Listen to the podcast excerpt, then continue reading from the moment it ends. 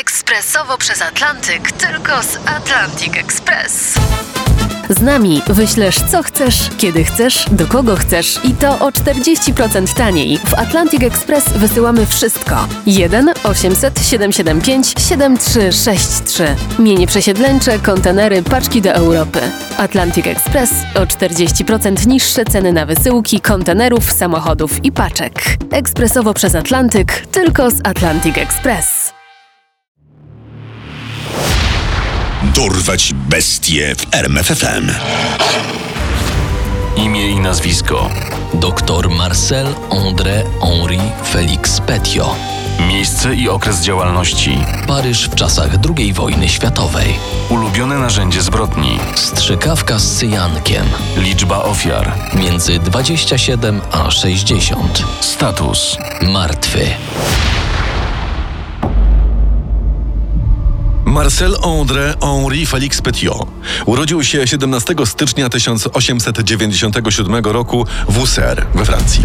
Spora część jego dzieciństwa obrosła w mity i miejskie legendy, którym nie do końca można wierzyć. Podobno już od najmłodszych lat miał problemy z zachowaniem i wpadał w drobne konflikty z prawem. Pewnym jest natomiast, że w marcu 1914 roku, po wielokrotnych wydaleniach ze szkół, psychiatra zdiagnozował Marcela jako osobę chorą psychicznie. Mimo choroby, Petiot ukończył swoją edukację w specjalnej akademii w Paryżu w lipcu 1915 roku. Pół roku później, w związku z trwającą I wojną światową, został przymusowo wcielony do francuskiej piechoty. W bitwie pod N najpierw został ciężko raniony, a później zatruty gazem bojowym. Mimo tego udało mu się przeżyć. Podczas długiej rekonwalescencji lekarze zaobserwowali u niego wiele nietypowych zachowań nasilonych przez szok wojny. Ten Petio to ma spore problemy psychiczne, a wojna raczej mu nie pomaga. Czyli wpisać niezdolny do powrotu na front. A skąd taki pomysł? Wysłać go tam, skąd go przysłali, jak tylko rana się zagoi. Powrót na front odwlekł nieco w czasie działania samego Marcela. Podczas swojego pobytu w szpitalu ukradł kilka wojskowych koców, za co trafił do aresztu w Orleanie. Gdy wyszedł w czerwcu 1918 roku, wysłano go znów na pole walki. Jednak po trzech tygodniach postrzelił się w stopę i trafił do szpitala psychiatrycznego we Flory-les-Aubrais. Tam ponownie zdiagnozowano u niego problemy psychiczne. Nowa diagnoza zagwarantowała mu zwolnienie ze służby i rentę. Niedługo potem wojna się skończyła i Francja, chcąc docenić swoich weteranów, przyznała im kilka przywilejów. Wśród nich był program przyspieszonej edukacji, z którego Petiot ochoczo skorzystał. I tak w niecałe 8 miesięcy odebrał dyplom uczelni wyższej. Gratuluję ukończenia kursu. Dziękuję, panie profesorze. Ach, nie ma za co, panie doktorze. To zaszczyt móc się panu odwdzięczyć za służbę wojskową.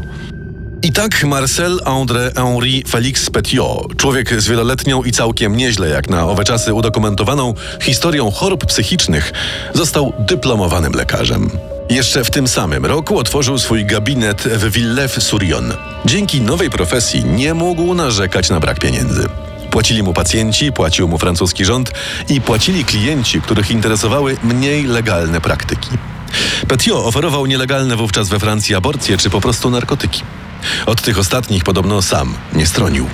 No weź, doktorku, przepisz mi coś z twojej specjalnej szafeczki. Tylko troszkę. Zapłacę w przyszłym tygodniu, przysięgam. Przykro mi, Pier. Nie ma pieniędzy, nie ma lekarstwa.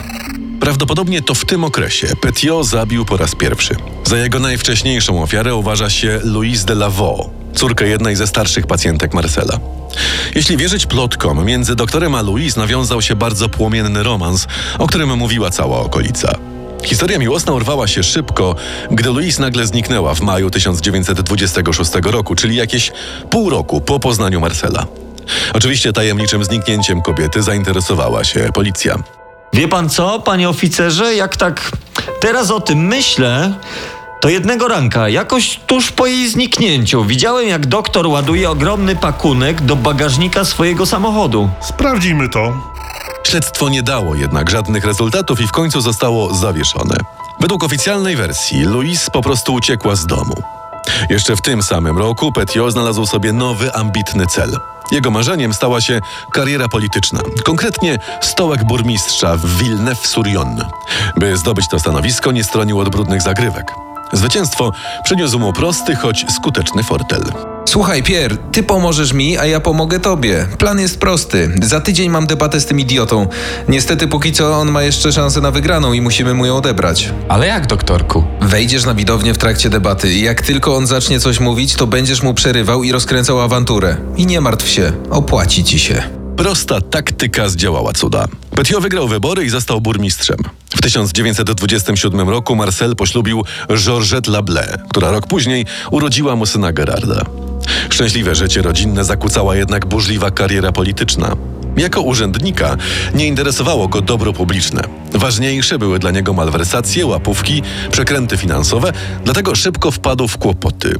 Po wielu skargach został zmuszony do poddania się do dymisji. W sierpniu 1931 roku razem z nim do dymisji podała się cała Rada Miasta. Pięć tygodni później wystartował w wyborach do nowej rady i wygrał. Dziękuję wszystkim, którzy uwierzyli w moją nieskazitelną opinię i zdecydowali się na mnie głosować. Mój sukces to wasz sukces. Marcel nie utrzymał jednak zbyt długo stanowiska radnego. W 1932 roku oskarżono go o kradzież energii elektrycznej w Villeneuve-sur-Yonne i wyrzucono z Rady Miasta. Nie przejął się tym zbytnio i po prostu przeprowadził się do Paryża. Tam jego gabinet odnosił sukcesy i cieszył się niezwykłą popularnością. Mimo, że na ulicach czasami dało się słyszeć, że doktor trudni się także mniej legalnymi procederami. Słyszał sąsiad? Dobrego doktora podobno aresztowali. Kleptomania podobno. Jaka kleptomania, pani droga. Podatków nie płacił. Nieważne, jakie było źródło jego konfliktów z prawem. Petiot zawsze wychodził z nich obronną ręką. Nawet wybuch II wojny światowej i upadek Francji potrafił obrócić na swoją korzyść. Nigdy wcześniej nie miał aż tylu dróg do zbijania fortuny. Wystawiał fałszywe zaświadczenia medyczne dla Francuzów wcielonych do przymusowej pracy. Sprzedawał leki oraz narkotyki, a także próbował nawiązać kontakty z ruchem oporu, któremu obiecywał wynalezienie cudownej broni. Panowie, to będzie coś przełomowego. Już prawie dobrałem idealne proporcje. Będziemy zabijać Niemców i nie zostawiać żadnych śladów. Ich lekarze będą myśleć, że umarli z naturalnych przyczyn. Jednak największy zysk przyniosła mu działalność powiązana z serią morderstw, której dokonał. Plan był niezwykle prosty i jednocześnie niezwykle skuteczny, a żerował na desperacji i strachu ludzi przed nazistami. Marcel przyjął pseudonim dr Ożan i razem ze wspólnikami Rolem Furirem, Edmondem Peutardem i René Gustawem Nezondetem oferowali ucieczkę z ogarniętej wojną Europy. Moi wspólnicy mówili ci, jaki jest układ? A zresztą, na wszelki wypadek powtórzę. Wygląda to tak. Ja biorę 25 tysięcy franków od osoby, organizuję wam bezpieczny przejazd do Portugalii i bilety na statek do Argentyny. A, jeszcze jedno. Urzędasy z Argentyny są bardzo upierdliwe, więc żeby was wpuścili, muszę was zaszczepić. To jak? Mamy umowę? Wiele osób myślało, że to prawdziwe wybawienie. Z jego usług korzystali wszyscy, których było na to stać. Zdemaskowani członkowie ruchu oporu. Ludzie, którzy podpadli gestapo i przede wszystkim Żydzi. Wszystko byłoby pięknie, gdyby nie to, że szczepienia, które aplikował swoim klientom, zawierały wyłącznie cyjanek. Niestety dla Marcela tak skuteczna sieć ucieczek musiała w końcu zwrócić uwagę nazistów. Gestapo szybko odszukało wspólników Petiot, którzy pod wpływem perswazji tajnej policji i odrobiny tortur wyjawili prawdziwą tożsamość lidera ich grupy, zwanego na ulicach Paryża jako doktor Ożen. Niedługo potem Marcel został aresztowany. A teraz, panie Ożen Petiot, czy jak tam pana jeszcze nazywają, wszystko nam pan wyśpiewa. Trasa przerzutowa, kontakty za granicą i współpracownicy z tego waszego małego, żałosnego ruchu oporu. No, słucham. Petiot jako zwykły oszust i morderca nie miał potrzebnych gestapo informacji, więc po ośmiu miesiącach został wypuszczony. Gestapowcy liczyli, że więcej sukcesu odniosą obserwując podejrzanego niż torturując go. W marcu 1944 roku Marcelem zainteresowała się francuska policja. A wszystko zaczęło się od duszącego dymu unoszącego się nad jednym z domów Marcela. Co za smród! To chyba z domu doktora. Lecę na policję i na straż. Policjanci postanowili zadzwonić do właściciela domu, nim wkroczą na teren posesji. Ze słuchawki usłyszeli tylko. Nic nie ruszajcie i nie wchodźcie tam. Będę za 15 minut. Jednak gdy właściciel nie pojawiał się przez dłuższą chwilę, straż i policja musiały wkroczyć. W środku ujrzeli potworny obraz rodem z koszmarów. Walające się po całym domu szczątki i pojedyncze części ciała. Chemikalia, prawdopodobnie do rozpuszczania zwłok oraz ludzka noga w jeszcze płonącym kominku. Niedługo po wkroczeniu służb na miejsce przybył sam właściciel. Na pytanie policji skąd w jego domu tyle ludzkich zwłok odparł z nonszalancją. Panowie, panowie, to nie są ludzie. To Niemcy. Zabijam dla ruchu oporu. Funkcjonariusze uwierzyli mu na słowo i postanowili, że nie będą go aresztować, choć pozostanie pod obserwacją.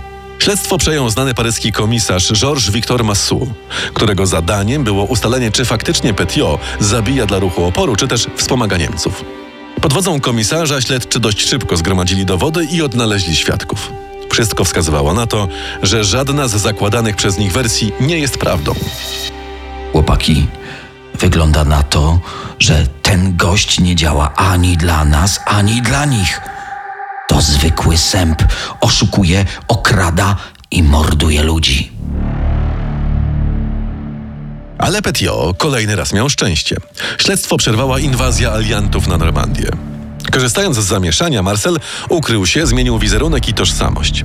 Kilka miesięcy później, jako Henri Valéry, dołączył do francuskich sił wewnętrznych, jednoczących różne komórki ruchu oporu i policję w walce przeciwko niemieckiemu okupantowi. Henri został mianowany kapitanem specjalizującym się w przesłuchiwaniu więźniów i przechwytywaniu szpiegów.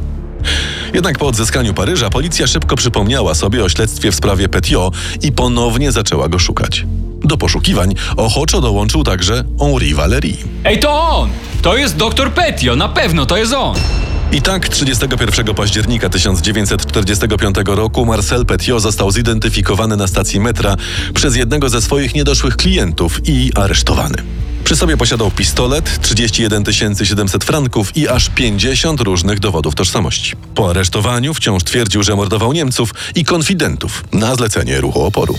Ile razy mam powtarzać? Byłem członkiem ruchu oporu. Dom, w którym znaleźliście zwłoki, to siedziba mojej komórki. Razem ze wspólnikami wymordowaliśmy masę nazistów i donosicieli. Nigdy nie zabiłem porządnego Francuza. Jednak policja szybko ustaliła, że wśród znaczących figur ruchu oporu nikt nie znał Marcela Petiot, a nawet jeśli go kojarzył, to jako lekarza, który lata temu obiecywał wynalezienie sekretnej broni na nazistów. Proces ruszył w marcu 1946 roku. Przestępcy postawiono aż 138 różnych zarzutów, od handlu narkotykami przez oszustwa i wyłudzenia po morderstwa. Obrońca Marcela Petiot również sięgnął po tę samą strategię co jego klient. Utrzymywał, że Marcel jest członkiem ruchu oporu i jako taki nie popełnił zbrodni zabijając wrogów. Sąd jednak nie uwierzył w bajki o bohaterstwie doktora Petiot. Uznał go winnym 26 zarzucanych mu morderstw i skazał na karę śmierci. Wyrok wykonano kilka dni później. Marcel André Henri Félix Petiot został stracony w najbardziej francuski ze wszystkich sposobów egzekucji. Ścięty na gilotynie.